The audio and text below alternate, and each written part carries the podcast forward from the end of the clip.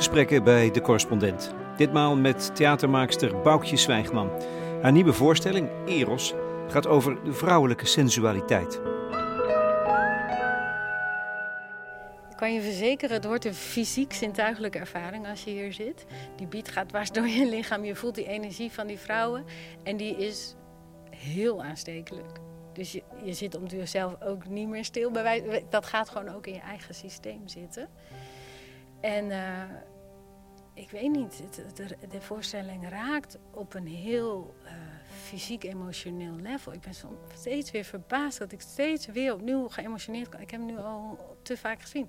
Weer geëmotioneerd kan raken van, van vrouwen die er zo volledig voor gaan. En elkaar willen ondersteunen. Om, weet je wel, om Ga ervoor.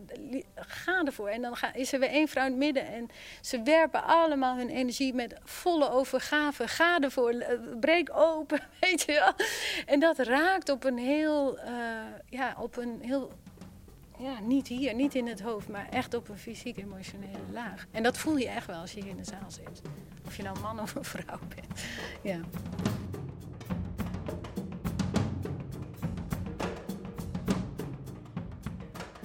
Boukje Zwijgman heeft een lange staat van dienst. Ze maakt al decennia voorstellingen met een volstrekt eigen signatuur. En in de kern zou je dat als volgt kunnen benoemen. Haar hele oeuvre is één grote en vaak grootse ode aan de zintuigelijke ervaring. Het is het lichaam dat spreekt, zonder woorden, evident. Haar performances liggen dicht tegen het rituele aan en vragen van haar dansers het uiterste. Ga maar voorbij je grenzen, of wat je denkt dat je grenzen zijn, en kijk dan wat er vrijkomt. Het resultaat is niet zelden verbluffend. Haar nieuwe voorstelling, Eros, te zien in het Springfestival in Utrecht, gaat over vrouwelijke sensualiteit. Als een bron van vreugde en levenslust. Ja, maar er ligt ook een schaduw overheen. Een diepe schaduw. Ze had het gevoel dat ze de doos van Pandora opende. Wij zitten op de tribune. Tussen ons in heeft Boukje een poppetje neergezet. Een soort talisman. ja, de Abayomi. Ja, zij is een zwart poppetje van zwarte stof geknoopt. En um, ze heeft een heel kleurrijke rok aan. En uh, het heet de Abayomi. En dit komt uit uh, een traditie in Brazilië eigenlijk. En Ibelisse, Guardia Ferragutti, die meedoet aan uh, het project waar we nu mee bezig zijn. Zij is Braziliaans en Boliviaans. En zij kwam eigenlijk met het idee om deze abayomis te maken. Die werd namelijk uh, lang geleden op de slavenschepen gemaakt. Dus er werden slaven gehaald uit Afrika, die werden verscheept naar Zuid-Amerika. En die moeders die uh, trokken dan een reep van hun rok en knoopten hier een poppetje van, de abayomi. En die gaven ze aan hun kinderen. Want ze wisten ook niet of ze die kinderen nog verder zouden zien of hoe dat verder zou gaan. Maar ze wisten wel dat er een hoop ellende stond te wachten. En dan zeiden ze hier, neem dit poppetje mee. Ik zegen haar met jouw levenskracht, jouw levensenergie, jouw levensvreugde. En weet dat je dat nooit kan worden ontnomen. En dan kregen die kindjes die poppetjes mee om zichzelf te kunnen herinneren. Ondanks alle ellende die mij wordt aangedaan, kan ik er altijd voor kiezen om toch in die levensenergie te gaan staan. Nou, we hebben eigenlijk allemaal zo'n poppetje nodig. Ook vandaag de dag nog, of niet? Oh ja, zeker. en helemaal omtrent het thema waar we nu mee bezig zijn. Toen dacht ik, maar dit is eigenlijk precies het verhaal wat we willen vertellen. Als je het hebt over de vrouwelijke sensualiteit waar we nu mee werken. Wat ik eigenlijk in ieder geval alle vrouwen, maar ook alle mannen zou willen meegeven. Er is een hoop ellende in de wereld. Er is ons een hele hoop aangedaan. Alle trauma zit in ons lichaam opgeslagen. Maar op het moment dat we onze levensenergie daardoor laten ontnemen, nou, dat gaan we niet doen. ja, en dat is de uitdaging. Dan zijn we, dan zijn we, nu, dan zijn we nu klaar. Ja, dat was het. ja. Eros staat in een grauwe loods op de Locomotiefstraat in Utrecht. Het werklicht is aan. Voor ons de dansvloer, spiegelend. De tribune is er laag omheen gebouwd. Je zit vlak boven de vloer. Aan één zijde staat het instrumentarium van de muzici opgesteld. Een batterij slagwerk om u tegen te zeggen. De danseressen in okergele gewaden zijn er nog niet. Het theater is leeg, koud. Met wat voor gevoel betreed jij deze beloftevolle ruimte nu?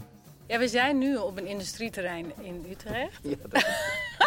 dat vind ik altijd wel leuk, om juist in die rafelranden van de stad te werken. En dat je zelfs in zo'n industrieterrein, als je dan naar binnen gaat, toch de magie kan creëren. En uh, we hebben hier zoveel mooie dingen met elkaar gedeeld en zoveel. Uh, al zo, ja, voor mij is deze ruimte al helemaal geladen. Uh, we hebben zoveel meegemaakt met elkaar al, met het hele team. en zoveel gedeeld en zo door alles heen gegaan met z'n allen. Dus als ik hier ben, voel ik heel veel liefde, eigenlijk warmte. Er zijn eigenlijk twee dingen die ik apart vind, wonderlijk vind. Um, ik besef dat dit onderwerp belangrijk is. Eros, vrouwelijke sensualiteit, seksualiteit.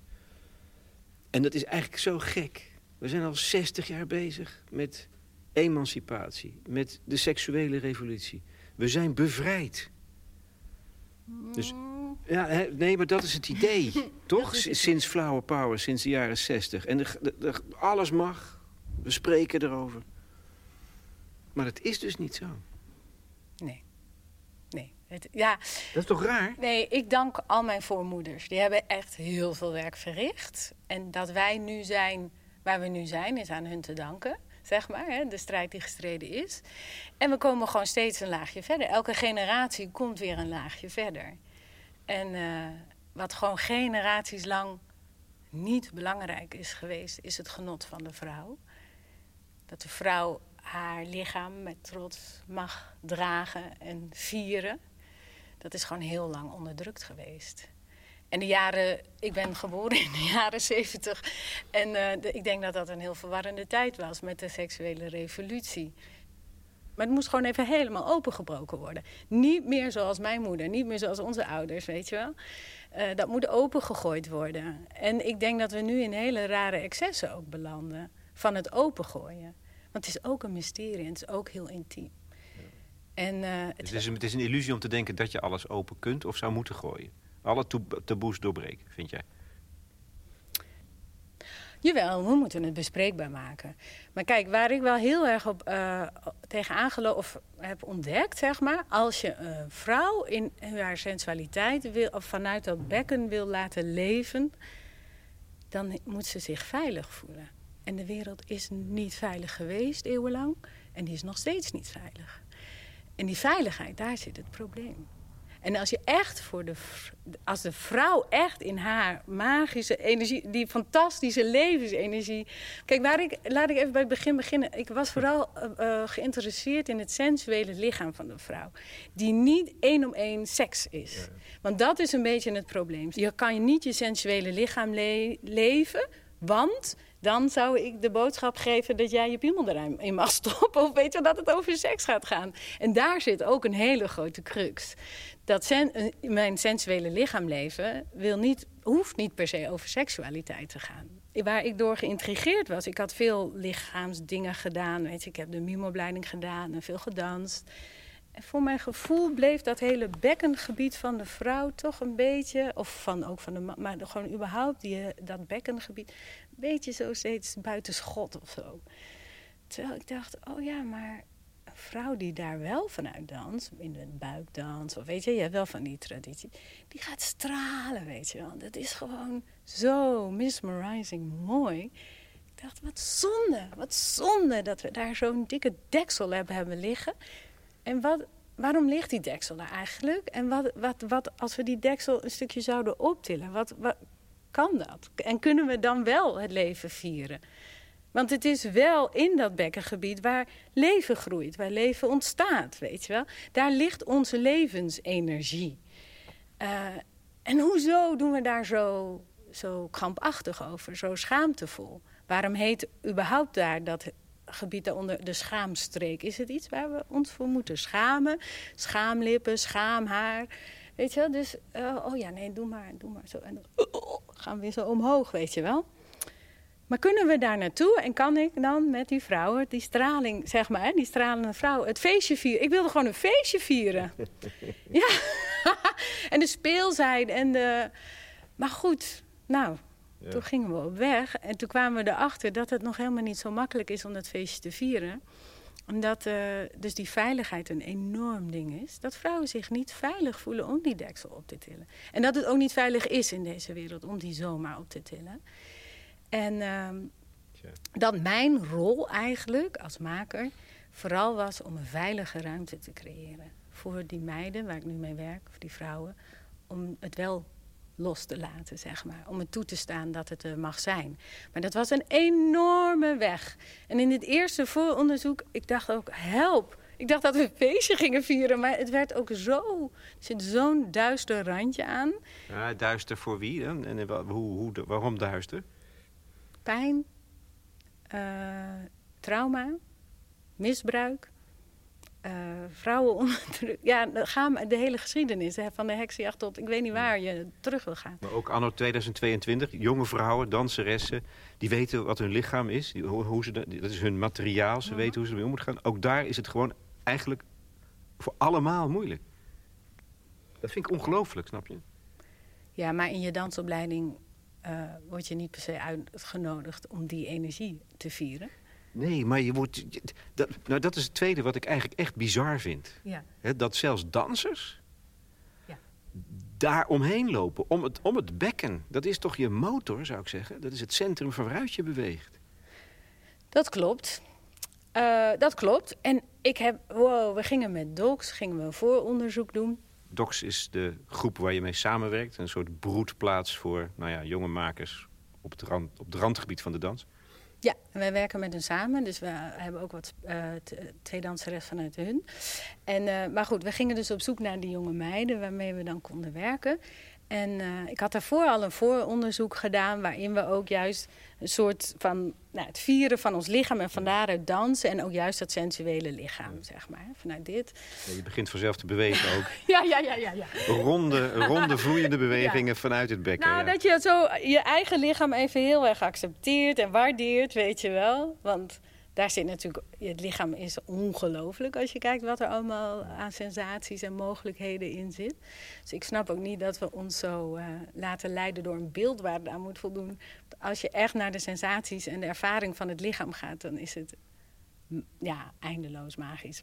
Maar goed, dus uh, ik wilde die vrouwen dat gewoon even zo, echt zo laten voelen. En dan van daaruit ook dat je gewoon die trots Weet je wel? Van, ja, ik weet, het is dat je van daaruit gaat dansen. En dat we dan in een cirkel dansen en dan gaat de een in het midden. En, en uh, Annemone en ik, waar ik veel mee samenwerk, um, wij gingen dat dan doen. En die, al die meiden, die ja, keken ons ook een beetje aan van wat we nu krijgen. En uh, gaan we nu werkelijk waar een sensuele dans voor elkaar doen? Gewoon met vrouwen onder elkaar, hè? En uh, ik dacht, oh help. En nou dat had, dat had je dus ook echt niet verwacht. Nou, dat het zo... Dat, ja, toen gingen we dus langere werksessies doen en audities. En er was een soort spinnenweb waar we in kwamen... waarvan ik soms dacht... dat dan Weet je, dat dan vrouwen ineens afhaken. Weet Maar er zit. En dan ineens toch niet mee willen doen met ons project. En dan weet je niet zo goed waarom. En dat wordt ook niet uitgesproken, maar er wordt iets aangeraakt. They don't want to go there. Ja. De, ik denk er is enorme angst voor slutshaming, zeg maar. Voor als ik in mijn sensuele lichaam ga staan, dan zal ik wel verkeerd begrepen worden. Um, ja, dus ik denk dat die heel sterk is. Maar om, ja, we doen dat toch ook niet? Wij hebben niet een cultuur van vrouwen onder elkaar. We hebben geen tradities, we hebben geen rituelen. Waarin vrouwen onder elkaar gewoon zeggen: hé, hey, dit is jouw levenskracht, dit is jouw, jouw, jouw, jouw bron, jouw, jouw center, weet je wel? Vier het, kom op, ga erin. Laat het maar zien ook. Ja, leef het, leef het. Laat die levensenergie stromen, weet je wel? Maar dan moet je wel bewegen en dan mag je het, moet je het te laten durven zijn. En dat durven we niet en er zit alles vast en gaan we allemaal heel erg dan maar in ons hoofd zitten. En dan zit het lijf helemaal vast en het lijf stroomt niet. Maar we hebben niet die rituelen, we hebben niet die gewoontes om het in een veilige setting van vrouwen onder elkaar wel te vieren. Het is je wel gelukt op een of andere manier. Dus ik heb een stukje van de repetitie gezien. En als je dan iets ziet, dan is het die gemeenschap van die zes vrouwen. De lol die ze hebben. Ja. En ehm, een soort complicity. Een soort medeplichtigheid. Ja. Wij zijn onder elkaar. Ja. En, en Het, het loog niet. Je kon niet doen alsof. Van, ik ben een goede danseres en ik heb mijn technieken. En, nee. Ik moet er nog wel bij zeggen dat we ook nog eens heel eh, ging, vanuit de rituelen gingen werken. Dus ik ben niet een choreograaf die zegt: als je deze pasjes leert, dan is het goed. Ik wilde echt met hun samen een zoektocht. Van wat, wat zit er bij jou? Dus dat vroeg ook nogal wat hè, van die meiden. Nou ja, goed. eh, ik kwam erachter, er moet een veilige eh, ruimte. Weet je, de toxic feminine of zo. Dat, dat, dat als een vrouw zich niet veilig voelt. Weet je, dan gaat ze ook een beetje achter je rug om met de andere meiden praten. En dan kom je weer in de repetitieruimte en dan denk je... Raar, ik krijg niet meer... Weet je, het voelt niet meer veilig. Het voelt niet meer... Weet je? Ook voor jou dus niet eens veilig dan op zo'n moment. Ik denk, wat is er aan de hand? Maar het is niet houden in die open. Het is echt die, dat druppeltje gif, wat, weet je wel, wat achter je rug om. Onder, weet je, vrouwen onder elkaar zijn heel vaak niet veilig. Ik heb eh, ook als jong meisje, maar niet per se positieve ervaringen met vrouwen onder elkaar. En dat vind ik dus ook interessant. Het begint ook bij de vrouwen zelf, hè? Heb je een idee hoe dat komt dan? Want je zou zeggen, als je dan even, even de man er niet is... of andere eh, buitenstaanders die het de boel onveilig maken... waarom wordt dat dan zo uitgespeeld tussen vrouwen onderling? Althans, soms. Veel. Ehm, Dat durf ik niet te zeggen. Ik, dat heeft een hele lange geschiedenis. Ik ben daar wel in gedoken. En eh, eigenlijk degene die mij daar misschien nog het meest een antwoord op heeft gegeven... is eh Sylvia Frederici. Dat is zo'n historica die heel veel met de heksenjacht ook bezig is geweest. En die heeft ook onderzoek gedaan naar het woord gossip, roddelen. En eh, dat was vroeger helemaal niet een negatief woord. Toen er nog heel veel common ground was, gemeenschappelijk land, waren het de vrouwen die juist met al hun geklets onderling wel een beetje konden bepalen wie nou eigenlijk waar het land werkte. En had best wel in de oude geschriften altijd een positieve connotatie. En dan krijg je die landverdeling en dan willen hè, de, de grootgrondbezitters dat naar zich toe trekken. En vrouwen die dus eigenlijk die, die structuur bij in, ja, dat, dat kon niet meer. Nou ja, anyway, heel lang verhaal natuurlijk. Krijg je die hele heksenverbrandingen. En als, als heks werd je minder uh, uh, pijnlijk gedood als je ook een andere vrouw erbij verlinkte, weet je wel. Dus er is ook heel veel gedaan om de vrouwen onder elkaar uit hun... Want de sisterhood, die dus wel zeg maar, elkaar steunt, is heel sterk. En daar is gewoon heel strategisch, weet je wel... Vrouwen konden elkaar verlinken. Het was gewoon niet meer veilig. Eeuwenlang dus. Eeuwenlang, echt. Dat is een andere geschiedenis. We, we, we, denk ik, dragen ook in dat lichaam gewoon generaties van pijn mee. Maar goed, uh, om te overleven ga je elkaar dus naar beneden halen. En nu hoeft dat misschien niet meer, maar ik denk dat het er nog steeds een beetje in zit. Om te overleven ga je elkaar naar beneden halen. En iedere vrouw kent gewoon ook die concurrentiestrijd onder vrouwen. Wie is de mooiste, wie is de... Weet je wel zo. En het is gewoon, bah. Dan kom je dat tegen. Dat is een schok, denk ik. Maar hoe ga je daar dan mee om? Hoe, probeer, hoe heb je dat dan geattaqueerd? Nou, kijk, het enige wat we eigenlijk kunnen doen... is in ons eigen lichaam te kijken, te voelen, te ervaren... wat daar ligt verscholen. Want de, de sporen zitten nog in ons lichaam, snap je? Uh, dus dat is altijd wel, geeft heel veel houvast, ja, weet je? Het lichaam heeft een geweldig geheugen, hè? Wat echt noodzakelijk is. Normaal praat ik niet zo heel veel in mijn processen, want ik wilde met het lichaam aan de slag.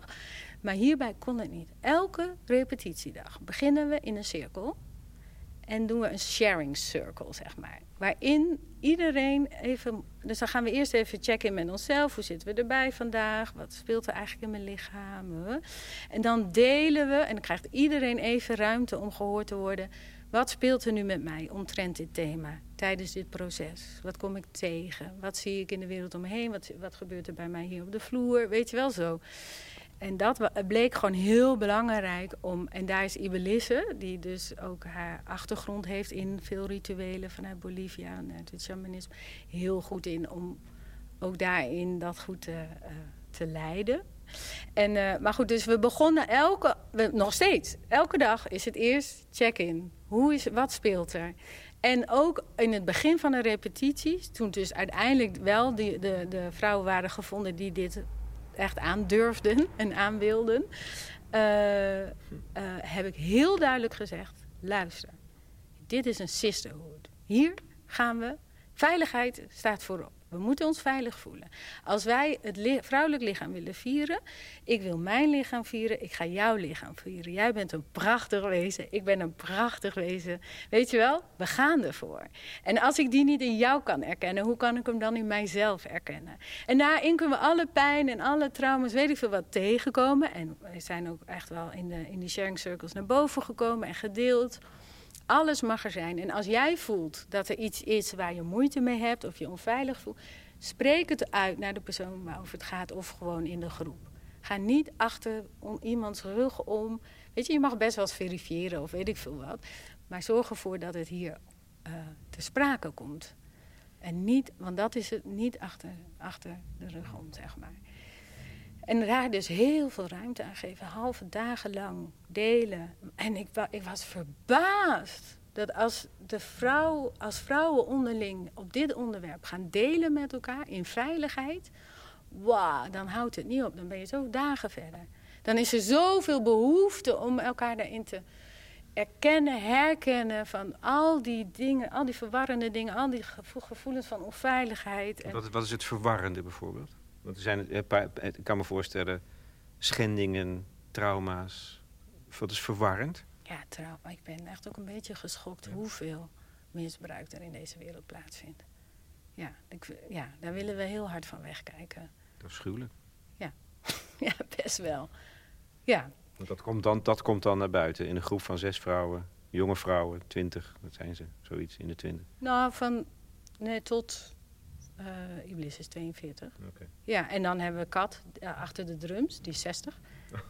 ja. ja. Misschien wel het meest energiek van allemaal. Ja, ja, ja. Drumt er flink op los. Ja, nee, dat is echt waanzinnig. Zo'n grijze dame achter de drums. Ja, maar ook, ja, gewoon je veilig voelen in deze wereld is best wel een ding.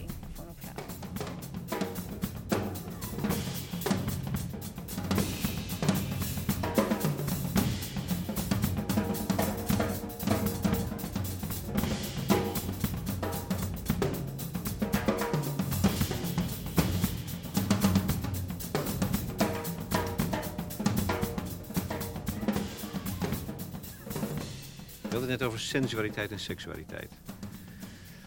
Ehm, ik heb het gevoel dat jullie daar ook een beetje mee...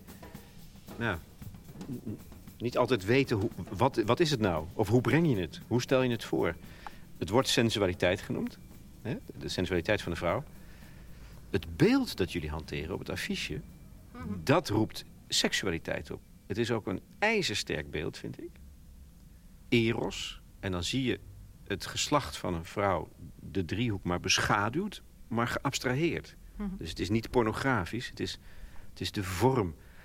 Maar de schaduw daar overheen ehm, roept dat mysterie op, iets duisters ook. En dan denk je, oh, het gaat over seksualiteit. Dus wat is het nou precies? Is dat niet ook een van de problemen? Dat zodra je het over sensualiteit wil hebben, of over lichamelijkheid dat je dan moet oppassen dat het dus over seksualiteit gaat. Ja, en die hebben natuurlijk ook wel een verbinding met elkaar. Ik bedoel, het een leidt ook wel vaak tot het andere.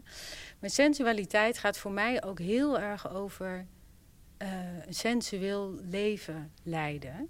Is, oké, okay, what's the sense of life? Is to live in your senses, with your senses. Wat is de zin van het leven? Om te leven in zinnelijkheid. Er is maar weinig wat ik zeker weet in het leven enige wat ik weet is dat ik op een dag geboren ben, een lichaam kreeg. En er zal een dag zijn dat ik dat lichaam weer ga verlaten. Dus ik heb hopelijk zo'n 80 jaar of zo om in dat lichaam te leven. Het lichaam zit vol met sensaties, zit vol met mogelijkheden om een heel vervuld leven te leiden, zeg maar. Uh, dus om echt in die zinnelijkheid te leven, echt de ervaring van mijn lichaam, uh, mijn zintuigen open te kunnen zetten. Uh, weet je, zowel naar buiten toe als naar binnen toe. Om je echt te kunnen proeven. Weet, dan heb je eigenlijk maar heel weinig nodig, weet je. Dan heb je weinig nodig om de grote sensaties te voelen of te ervaren.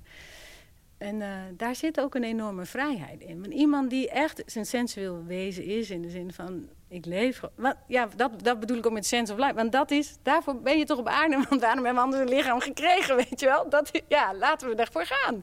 Laten we dan ook al die ervaringen ook werkelijk ervaren. En wat ik gewoon echt werkelijk waarvan die nou niet snap, is dat we zo weinig verbonden zijn met dat lichaam. En zo weinig voor de subtiele, zintuigelijke ervaringen, die, die nemen we al bijna niet waar of zo. Dus mijn grote uitdaging is om mensen gewoon weer een beetje wat meer in dat lichaam te krijgen. Want het maakt je vrij. Want als ik weinig nodig heb, omdat ik al zo kan genieten van de zon op mijn huid of van een oogcontact met jou, of weet je wel, dan heb ik niet zoveel nodig. Maar dat is een vrij mens. En een vrij mens, weet je, die kan je er niet onder krijgen. Ah, ja, ja, ja. Dit uh, raakt me. Uh, een hele goede vriendin van mij, Floor Huigen, theatermaakster. Ja. Die vroeger is overleden, uh, een aantal jaar geleden. Zei dat een keer tegen mij. Het, was ook altijd, het moest altijd een dans zijn, haar voorstellingen. Um, en ze zei een keer tegen mij van... wat heeft het leven voor zin als je niet met je zintuigen leeft? En ik begreep dat toen niet. Hm. Want als je het hebt over de zin van het leven... dan denken wij aan filosofie. Hè, aan iets wat je onder woorden brengt, nou ja, als dat wat betekenis heeft. Dat ging er zo totaal tegen in en jij zegt nu precies hetzelfde. Ja. Dat kost tijd om je dat inzicht eigen, eigen te maken. Want je kan ook zeggen, het is een heel materieel leven. Als een dier, je bent een dier. Ja, materieel of aards? Is ja, Aards is het betere woord, dat snap ik wel. Nee, tuurlijk. Want we denken vaak dat alle zingeving daarboven is. En we hebben allemaal kerken gebouwd die heel erg hoog als vallen ze de lucht in rijken. En in het hiernamaals gaat het pas echt gebeuren. En ik denk, weet je, laten we al die kerken gewoon afbreken. Een kuil in de aarde graven. En met mensen uit alle culturen en windrichtingen in die kuil te gaan zitten. En ons weer eens te verbinden met ons aardse lichamelijke bestaan. En dan komen we misschien wel eens tot wereldvrede. maar dat geloof ik echt. Ja. Als je het dan hebt over filosofie. Er zijn filosofen, namelijk de fenomenologen... die dit ook in een filosofie hebben gevat. En ik vond het waanzinnig om hun te ontdekken. Want ik was hier al heel lang mee bezig. En ineens denk ik, er zijn wel filosofen die het beschreven hebben. Want je kan de wereld niet leren kennen anders dan door de fenomenen. En daarom, als het gaat zweven en we verliezen de werkelijke sensaties, of, het, of weet je, het mysterie zit in de materie, in ons lichaam. Wij zijn ons lichaam. Ons lichaam stelt ons in staat om de wereld te ervaren, het leven te ervaren. Als we het leven willen doorgronden zonder in ons lichaam te duiken, waar zijn we dan mee bezig? Maar jij brengt het ook in praktijk. Hè? Niet alleen in, in zo'n theater op dit industrieterrein als een magische geheime plek, maar ook in het dagelijks leven leven met je zintuigen? Zitten, de zon op je, op je huid voelen? Nou, uh, ik leef ook in deze maatschappij en het lukt me lang niet altijd. En ik zit ook veel te veel achter mijn computer in, in een soort rare bubbel in mijn hoofd. Uh, maar het is een bron van vreugde die je kent, die je goed kent. Ja, en weet je wat het leuke is? Je lichaam, als je het je lichaam zou vragen... we vragen er iets te vaak ons hoofd. Maar ons hoofd kan linksom lullen en rechtsom lullen. Weet je, die kan, die kan het, ja, je kan het alle kanten op redeneren. Je komt er gewoon niet uit. Maar waarom vragen we het niet van aan ons lichaam? Hoe doe je dat? Ik heb een hele mooie oefening die ik vaak in workshops doe. En dan, uh, die komt uit de haptonomie. En dat is, dan moet je uh, geblinddoekt dingen elkaar laten voelen. En dan ga je iets voelen. En dan moet je je Eerst ga je benoemen wat je voelt. Het is warm, koud, gewoon de feitelijke sensaties. Dan benoem je wat het bij je oproept. Nou, dit doet me denken aan verbeelding, associaties, whatever. En dan zeg je lichaam ja of zeg je lichaam nee. De body says yes, the body says no. Zonder oordeel. En dan kom je erachter dat je lichaam dus ja of nee zegt. Weet je ook zo. en dan en dat is dat, lichaam. Weet, dat weet het lichaam feilloos in feite. Weet het lichaam feilloos. Weet je, net als de eencellige. Die gaat open, hè, permeabele membraan, die gaat open of die gaat dicht. En wij mensen zijn niet zoveel Nou, we zijn wel verder geëvolueerd. Maar nog steeds is het, ga ik open of ga ik dicht? Is het een ja? Is het een nee? Dat is een lichamelijk weten. En het lichaam gaat altijd voor plezier, genot. Als je het lichaam vraagt, die zegt: Oh, dit, oh, dit voelt lekker. Oké, meer van dat, weet je wel. Als het niet lekker voelt, klok, gaat het dicht. En dan zegt het lichaam nee. Het lichaam volgt genot. En als je het dan wil hebben over die vrouwelijke sensualiteit, heeft het, of seksualiteit, heeft het vrouwelijk genot voorop gestaan in de laatste 2000 jaar? Not at all. Het vrouwelijk genot is helemaal zo de nek omgedraaid. Weet je, wanneer er anatomisch gezien, hè, in de medische boeken, de clitoris anatomisch in kaart is gebracht? Wat denk je? Nou ja, ja ik zou zeggen uh, in de 19e eeuw. Laat ik, laat ik het eerlijke antwoord geven. Ik weet dat het anders is. 1998, ja, 20 jaar geleden. Nee, wat is het? Uh, ja. Ja, ja, ja. Zeg, herhaal het nog eens even. 1998. Ja is pas de vrouwelijke genotsorgaan in kaart gebracht. Nou, dit is toch ongelooflijk. Oftewel, kijk, wil je de vrouw. Wil je de, ik, ik was gefascineerd door die stralende vrouw. die vanuit haar sensuele lichaam kan leven in zijn volledigheid. Dus ook in haar vruchtbare delen. Uh, maar goed, wil je de vrouw eronder krijgen. wat dus ook alweer jaren geleden is gebeurd. dan moet je haar doen geloof. Dan, dan, zit er iets met. Dan moet ze niet in die sensualiteit gaan staan. Dus wat was dan je overlevingsstrategie als vrouw? Je seksualiteit bestond of niet. De maagd, het archetype van de maagd. Of ze zet hem in. En omdat ze weet dat de man het begeert. En ze zet hem in als machtsmiddel om gedaan te krijgen van die man Hè, om, om, nou, om, zo haar dingen gedaan te krijgen. Dan kom je bij de hoer. En dan heb je die twee archetypes. De maagd, geen seksualiteit. De hoer die hem inzet uh, ten omwille van de man. Maar waar is nou die vrouw, dat archetype... Ja, de priesteres noemen ze hem soms de godin, ik weet het niet. Maar die vrouw die zegt, deze energie, die is er omwille van het leven. En ik wil hem leven just for the sake of life. Omdat ik een lichaam heb en dat is het enige wat me echt geschonken is. En ik wil die levensenergie wil ik leven. Gewoon om te leven. Omdat dan gaat de energie weer stromen. En dan gaat het rottende, stinkende water gaat weer stromen. En dat wordt helder water. En dan, dan, dan straal ik en dan kan iedereen weer blij worden. En dan, ja. En die, die vrouw, die mag meer gevoed worden. Waarom zijn we er zo bang voor? Omdat hij ehm, vaak... Uh, omdat hij zo snel aan seksualiteit wordt gekoppeld. precies, daar zit het toch? Ja. Omdat en, wij en, denken, als ik hem leef, dan mag dus die man dat bezitten of zo, of, zich toe-eigenen. Dan doe ik het omwille van de man. Nee, maar ik doe het niet omwille van de man. Ik doe het omwille van het leven. Of, eh, ja, maar niet alleen. Niet alleen, want er is natuurlijk een... Er is niet eens een grens tussen die twee gebieden. Tussen sensualiteit en seksualiteit die sensualiteit beleven... kan je niet loskoppelen van seksualiteit of erotiek. Het loopt volledig in elkaar over, volgens mij.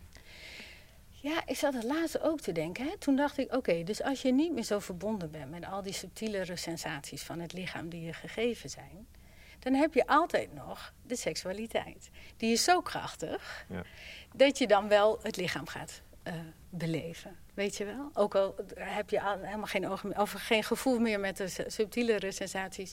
Ah, we hebben nog die genotsknots en dan kunnen we het echt beleven. Maar het is een beetje. En, en dus zijn ook heel veel mensen heel erg op zoek naar die seks. Om überhaupt weer in dat lichaam te komen. Om het überhaupt weer te voelen. Om even helemaal uit je hoofd te gaan. Wauw, ik heb een lichaam. Boah! Weet je wel zo. En dan, en, dan, en dan raken ze misschien zelfs seksverslaafd. Omdat dat nog de enige manier is om daarin te komen.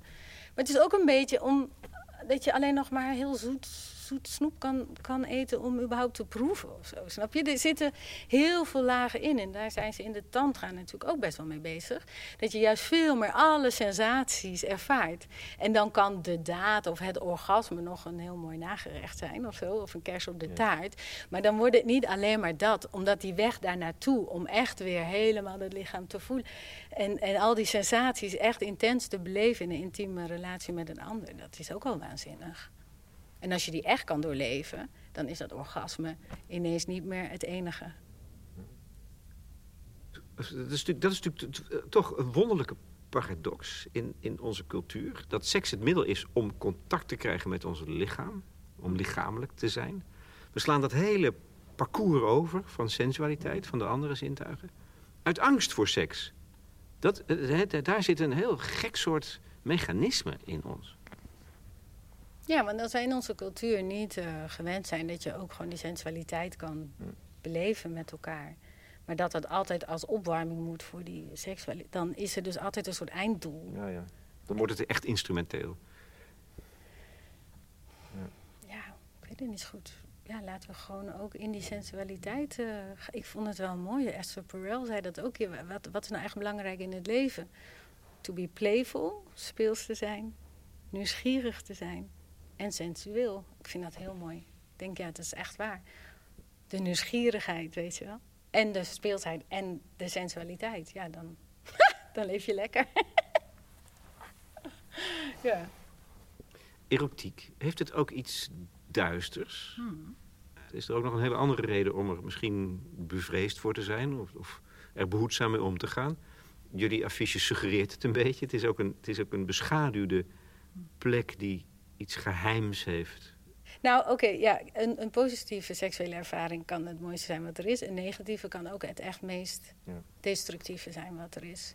En eh, op het moment dat macht om de hoek komt kijken, wordt het ook heel lelijk. En om echt puur vanuit dit, eh, weet je wel, als je echt alleen maar op de bevrediging van deze onderste energiebron gaat, kan het ook best wel lelijk worden. Als het niet ook hier door deze energiebron van het hart gaat, zeg maar, van de verbinding ook met de echt een ander. Eh, en, op, op een- en het is zo'n sterk middel, weet je, het is, eh, dat je het ook echt kan inzetten voor macht. En dan wordt hij heel lelijk. En als, ja, kijk maar naar oorlog. De mannen worden vermoord, de vrouwen worden verkracht. Een verkrachte vrouw is echt in haar levensbron aangetast. Je haalt het leven uit de vrouw als je haar verkracht. En dat weten ze in de oorlog. En dan maken ze daar gebruik van. Dus het gaat heel ver. De pijn kan ook heel groot zijn. En dan is er een ander ding qua duisternis. Het is het cyclische wat in alles zit. En die, ja, laten we die gewoon omarmen. Dus daar zit, duis, daar zit duisternis en lichtheid in. Ja, ja. Maar de een bestaat niet voor, voor- voor- zonder een ander. En het, ander, het een volgt het ander continu op. Het vrouwenlichaam kent de cyclus, Ja. de menstruatiecyclus. En hallo, kijk even naar ons taalgebruik. Ongesteld, je bent ongesteld, je bent even niet goed afgesteld. Oh, ik verga van de kramp, maar oh, mm, zet me schrap. Ik moet gewoon weer werken en ik moet in het licht. En ik moet, weet je wel, zo pam, pam, pam, pam, pam. Het terwijl het vrouwenlichaam wel ergens zegt... Ah, nee, even niet. Even... Want juist in het, even in die aarde zo, even niks. Daar gebeurt het. Weet je wel? Dit is, dat is ook kwaliteit van leven. Het is de Hollandse tomaat. Ken je de Hollandse tomaat? Je koopt een Hollandse tomaat in de supermarkt. Die heeft in een kas gegroeid. Dag en nacht licht. Licht, licht, licht op die tomaat. Dag en nacht. Wat krijg je? Je krijgt een tomaat die eruit ziet als een tomaat. Hij is rood, hij is rond. Een tomaat. Je gaat hem proeven. Je proeft bijna niks. Tenminste, op het moment dat je een keer een tomaat uit je eigen moestuin hebt geplukt, denk je: wow, dit is een tomaat. Dit is kwaliteit van leven. Dit is, wauw, dit is kwaliteit van zintuigelijkheid. Want nu proef ik een tomaat, weet je wel. Dat is, dan denk ik, ja, als we voor kwaliteit gaan, dan moet je. Maar die tomaat, die heeft s'nachts gewoon een beetje. Lopen niks in het donker.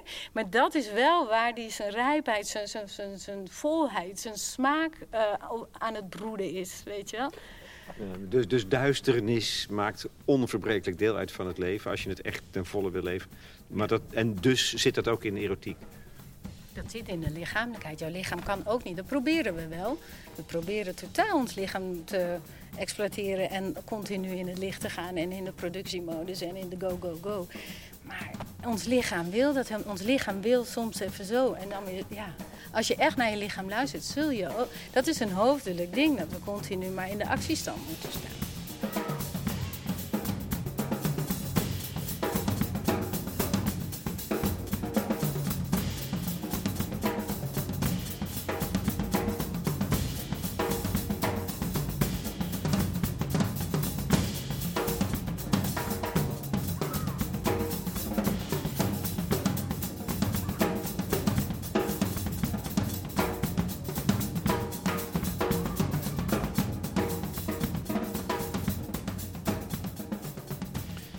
Hebt wel twee geweldige muzici, hè? Potverdorie. Ongelooflijk, ja. Katha- ja. Catharina en Frank. eh, zij is van de X, de punkband. 60 jaar. Nou, die heeft een energie niet te geloven. En Frank Rosalie is, ja, is ook de meest waanzinnige slagwerker ooit. En kijk, het, het is een beat. Het is een ongelooflijke stuwing. Een kracht zit er. eh, ener- pure energie is het. Kijk, je had ook een, een, eh, een disco beat kunnen gebruiken. Nee. Eh, Ja, nee. nee, maar dat is, dat is wel goed om even duidelijk te maken. Weet je? Want, want waar gaan mensen los op? Eh, Op de grote feesten, bij de DJ's. Daar zit het toch ook? Nee, zeker. Zeker. Want de beat, dat is gewoon je hartslag. Dat is de lichamelijke ervaring. En die wi- willen we. Dat is wel grappig. Hè? We gaan toch naar die feesten. Ergens willen we allemaal voelen dat we leven. We willen die lichamelijke ervaring. Maar waarom is dit, hun muziek, toch iets anders? Oh, die is live. Dus die, eh, eh, die volgt ook echt wat er op de vloer gebeurt. Want wat wij niet willen... Ik heb niet een choreografie gemaakt met pasje hier en drie tellen rechts. En weet je wel zo. Dit is een ritueel. Kijk, dit was zo'n groot thema. Wat ga ik hierover vertellen? Wat ga ik hier met mijn kleine eh, mind, zeg maar, mijn kleine briljante geestje hier? Nee, dat gaat niet, weet je wel. We wilden het opzoeken van wat ligt in ons lichaam verscholen, wat weer het licht wil zien. Wat echt diep verscholen ligt in die baan. Dat is ook het donkerste plekje, hè, van de, zo diep down in je bek. Wat wil hier weer gezien, gevoeld, gedanst, gehoord worden? Eh, nou, dan moeten we wel een ritueel gaan maken. Dat kan niet via een verhaal. Dat verhaal is te groot. En eh, zo hebben we het ook gedaan. We hebben een soort improvisaties gedaan die we ook ceremonies noemden. En daarvoor werkt natuurlijk slagwerk als wel echt heel goed in instrumentarium. Waarin we echt de energie wilden volgen van wat hier wilde, zeg maar. Ja, Dus de slagwerkers, de muzici, die hebben gevolgd, die improvisaties gevolgd. Eigenlijk hebben daar dingen aan on- ontdekt. Of geleid, dat is de vraag. Ja, wie, wie doet Ja. Ja, en, en dat, die twee, die, snappen, die slagwerkers, die snappen dat totaal. Dus niet vanuit je hoofd, ik ga nu een geniaal ritmetje doen, maar echt, wat is de energie? En uiteindelijk gaat deze voorstelling alleen maar over energie. Levensenergie. En die voel je. En die kent een cyclus en die kent, weet je wel. Daarom moet het live zijn, want eh, elke avond is de energie toch net weer anders. En om echt voor de energie te gaan, moet je ook heel erg in het moment, in het hier en nu zijn. Om hem goed te kunnen volgen. Je noemt het een ritueel. Ehm, je maakt rituelen, maar die, die, die hebben ook altijd iets van een performance. Je gaat heel ver daarin soms. Hè, in, in wat je van jezelf, van je eigen lichaam... of van de mensen met wie je werkt, de dansers, vraagt. Eigenlijk wordt het lichaam daar ook altijd wel een beetje in uitgedaagd. Zo van, ga ver, ga grens over. En, en wat komt er dan? Doe je dat hier ook? Ja, zeker. Ja. ja, En dat vind ik, daarom hou ik ook wel van theater. Want uiteindelijk, als er niet een publiek zou zitten, zou je niet zo ver gaan. Maar doordat er een publiek zit, gaat, ja, is- ontstaat er iets anders. En dan ga je met z'n allen echt kijken waar liggen de grenzen. Wat wil het lichaam, wat, wat kan het ons nog vertellen? Want voorbij de grens vertelt ook dat lichaam nog weer iets anders. Ja, maar die grens zit ook vaak in je hoofd. Weet je, wel, oh, dit kan niet. Ik heb zo'n voorstelling ook gemaakt waarin ik een uur lang rondjes draai mijn eigen as als een soort derwisdanser. Eh ja, Dat is een sleutelvoorstelling, hoor, volgens mij. Of voor jou. Ja, dat is ook echt de- mijn eerste echt rituele voorstelling die ik zelf ook heb gedanst. Dus daar heb ik wel veel in ontdekt. Maar denk je ook je hoofd, ja, ik kan niet zomaar draaien, dan word ik duizelig. En dat is het mooie aan wervelen, dat je moet dat idee loslaten en je overgeven aan de, de ronddraaiende kracht, die veel groter is dan je kleine nietige illepiele lichaampje, weet je. En dat is eigenlijk ook waar we hier weer naar ons on- gingen zoeken. Wat is die energie die eigenlijk waar de moeder aarde mee vol zit? Kunnen we die weer tappen, weet je? Kunnen we die downloaden? Wat moet hier gedownload worden qua energie? Waar mijn illepiele kleine lichaampje zich aan kan onderwerpen. Want nog even voor de mensen die het nooit gezien hebben... of geen idee waar het over gaat. Je, je, je was een derwish. Dus je een uur lang ronddraaien om je as. En er waren mensen bij, hè? Dat was ook een voorstelling. Ik zat er daar naar te kijken, maakte dat mee. Terwijl ik denk, het is een innerlijke beleving van jou. Wat maakt hier mee? Wat gebeurde er met je? Een ultiem in het hier en nu zijn. Niet liegen. Gewoon echt niet doen alsof. En eh, op het moment dat ik ging draaien en ik ging denken... oeh, er zit een recensent in de zaal, weet ik veel wat... dan verloor ik letterlijk mijn midden, mijn centrum. Wat viel je? Ja, nou ja, dat kon ik dan wel weer opvangen. Maar dan verloor ik dat, die kracht waar het vanzelf gaat. En dat is het mooie. Want Ibelisse bijvoorbeeld, die is 42. Die doet mee met die meiden van, eh, van 25. Maar als je snapt hoe je systeem kan openen voor de energie die honderd keer groter is dan jezelf, dan krijg je het allemaal cadeau. En dat vind ik wel een hele mooie zoektocht. Waar krijg ik de energie cadeau? Als ik te hard moet werken, dan gaat er iets niet goed. Weet je wel? Je kan de, dus kunnen we ons lichaam zodanig leren begrijpen, leren gebruiken, dat je de energie cadeau krijgt. Dat kan, maar daar zijn wij in het Westen over het algemeen niet erg in getraind. Je praat er nu over alsof het een, een zeer intens en heel erg mooi proces van transformatie is. Hè? Voor iedereen die hierbij betrokken is geweest. Ja. Heeft het ook jouw beleving van erotiek veranderd? Ja, ik werd veel bewuster van wat er bij mij gebeurt. Dat ik mijzelf uh, ook eigenlijk heel vaak niet veilig voel. Iets wat vanzelfsprekend is, denk ik, voor veel vrouwen. Maar als je daar veel bewuster van wordt, is ook heftig om dat te beseffen. Hoe onveilig ik me eigenlijk voel. Vaak. Om, om hier echt te kunnen openen, moet je je veilig voelen als vrouw. En, en hoe Kijk, hier in de sisterhood snap ik het. Hè, dat je uiteindelijk, maar ook na lang eraan werken... Uh, die veiligheid kunt creëren. Hoe doe je dat in je eigen beleving van erotiek? Uh, bedoel je erotiek in seksualiteit? Ja, ja. nou ja, goed. Ik ben met mijn man hebben we ook wel uh, een soort, hoe zeg je dat? Een soort, uh, ja, weer opnieuw het echt gaan ervaren. Ook wat er gebeurt tussen ons. En het is een hele mooie weg ook. Ja. Van wat gebeurt er nu echt? Of ga ik gewoon maar omdat we, zo, omdat we gewoon maar gaan, snap je?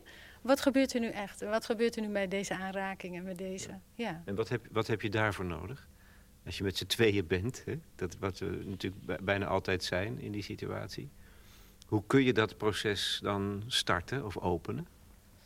Nou, ik heb wel veel aan de Wheel of Consent gehad ook, van Betty Martin. Die heeft zo'n... Ehm, gaat heel erg over consent en over ben ik nu aan het geven of ben ik nu aan het nemen. En ook gewoon veel meer uit te spreken wat het met je doet. Ik merk nu dat ik een beetje dicht ga, weet je wel. Nu, maar, nu ik dit vraag, bedoel je? Nee, maar in, in, zeg maar in die intieme intimiteit. Ik merk nu dat ik een beetje van je weg wil. Maar dat te durven benoemen, zonder dat die ander zich heel erg afgewezen voelt. Of, want dat, dat ik me... Ik denk heel veel vrouwen hebben hier toch een soort, in, in die vruchtbare delen, zeg maar, een soort spanning zitten. En dat je toch merkt dat je soms dicht gaat. En dat heeft niet altijd met die ander te maken. Ik heb echt de liefste, zachtaardigste man van de wereld. Maar ook ik merk soms dat, dat er spanning zit. Nou, dat heeft misschien ook met negatieve seksuele ervaringen uit het verleden te maken. Of misschien heeft het ook wel met mijn oma's te maken. Die, weet, je, mijn, weet je wat de seksuele voorlichting van mijn oma was? vertelde mijn tante laatst. Uh, zij, oké, okay, er werd nooit over gesproken, super katholiek hè. Uh, en de nacht voor haar huwelijk, uh, of de avond voor haar huwelijksnacht of zo, krijgt ze van de moeder te horen: Doe maar wat de man wil. Ja. Dat is haar seksuele voorlichting, punt. Maar dat is, nog, dat is nog maar twee generaties geleden, hè? Oh, denkt ze, nou fijn, ik uh, ga een huisarts trouwen, dus die zal het wel weten. maar goed, die, die huisarts heeft wel geleerd over hoe, je, hoe, hoe de conceptie werkt. Maar over hoe je vrouw kan klaarmaken om te openen. Om haar te laten genieten. Dat had hij natuurlijk in de medische studie niet geleerd. Nee, want de clitoris zat nog niet in de ah, nee, handboeken. Daarom. Dus de hele onwetendheid ook over een vrouw zich veilig laten voelen. Hoe kan zij zich openen? Dat je, dat je echt, een, echt een volwaardige ja krijgt. Nee. Maar ik denk dat wij nog steeds als vrouwen van tegenwoordig denken, vaak ook van ja, het hoort er maar bij, of uh, weet je wel zo. Maar om, om, echt weer alle sensaties te gaan voelen, uh, ja, dat vraagt wel een training, zeg maar, of een bewustzijn, of een, uh, ja. En vertrouwen. Ja, en dan hebben we het wel over seksualiteit. Ja. Oh ja, maar dat, is, dat kun je er ook niet los van zien. Nee, je kan het er niet los van zien. Dat klopt. Het loopt ook gewoon wel de hele tijd door elkaar.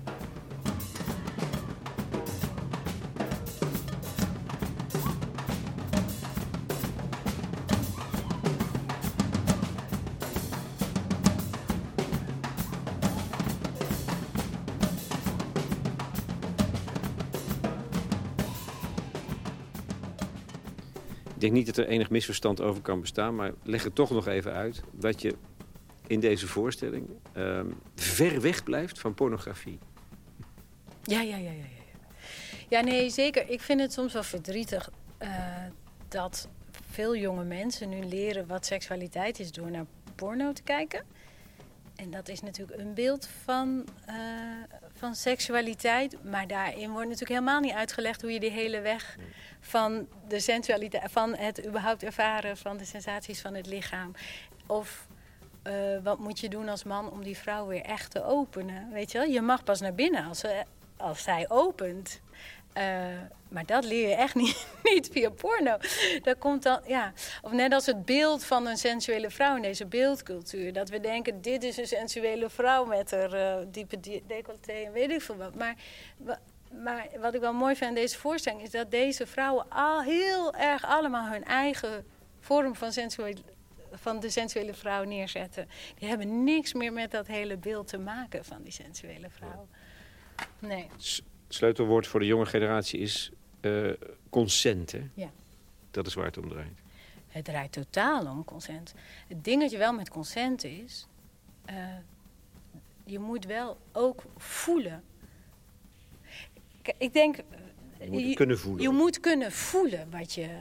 Als je überhaupt niet goed kan voelen... Uh, heel veel vrouwen in hun, bij hun vragen zijn pretty numb, weet je. Ja. Weet je? En, voelen uh, niks juist in hun, in hun geslachtsteek. kunnen niet goed voelen wat er wel of niet. Of, dus het begint wel in consent. En ook sowieso over aanraking, gaan, uh, over alles. Moet je wel ook in contact staan met je lichaam. En überhaupt je lichaam leren lezen. Van wat wil ze wel? Wat, is, het, is het een ja? Gaat ze open? Zegt ze ja? Of zegt ze, trekt ze zich terug? Is het eigenlijk een nee? Maar als je dat niet eens bij jezelf goed kan voelen, wordt het ook heel moeilijk om dat een ander duidelijk te maken. Dus het begint wel met de connectie met je eigen lichamelijkheid. Uh, om dat vervolgens te kunnen aangeven. En maar leren we dat, hè? We leren Nederlandse woordjes, uh, Franse woordjes, uh, Engelse woordjes. Maar we leren, we leren alles lezen, maar we leren niet op school ons lichaam lezen. Weet je wel? Wat, wat voor signalen geeft mijn lichaam eigenlijk? En als ik die nou eens wat beter leerde lezen, dan kon ik misschien ook wat duidelijker aan jou duidelijk maken wat wel of niet waar de ja ligt, weet je wel.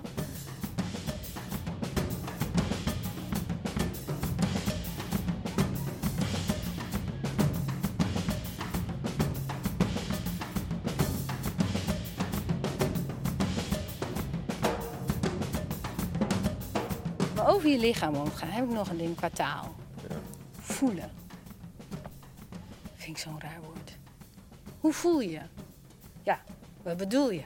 Uh, heb je het nu over mijn tas in? Heb je het over mijn emoties? Heb je het over uh, of ik het warm of koud heb? Of voelen. We hebben één vergaarbak als woord dan voor al die sensaties in ons lichaam. Noemen we allemaal voelen.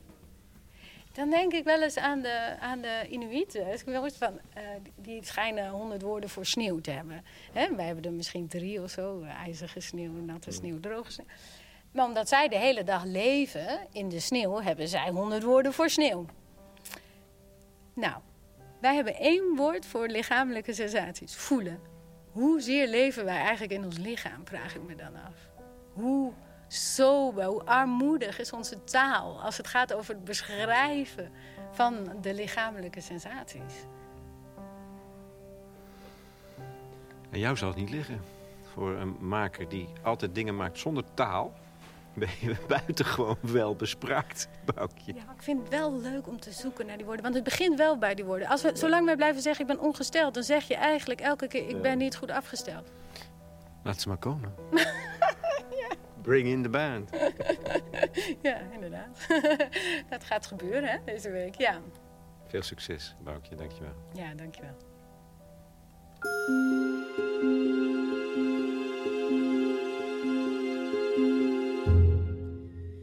Boukje Zwijgman in gesprek met Lex Bolmeijer voor de correspondent over haar nieuwe voorstelling Eros, gemaakt in samenwerking met Docs. En dat is ook een Utrechts gezelschap. Eros ging afgelopen dinsdag in première op het festival Spring in Utrecht. Daar nog tot en met de 29e op de Locomotiefstraat eh, mee te beleven. Eh, later toert Eros langs Julidans en het Theaterfestival Boulevard. We kunnen hierover doorpraten op ons platform. Hoe reageren jullie op het bevlogen verhaal van Boukje over het sensuele lichaam en alles wat ermee samenhangt? Onze bijdragesectie is toegankelijk voor leden van de correspondent en daarover volgt zometeen nog een mededeling. De muziek die je hoorde tenslotte komt uit de voorstelling zelf en is van de twee slagwerkers Catharina Borneveld en Frank Rosalie.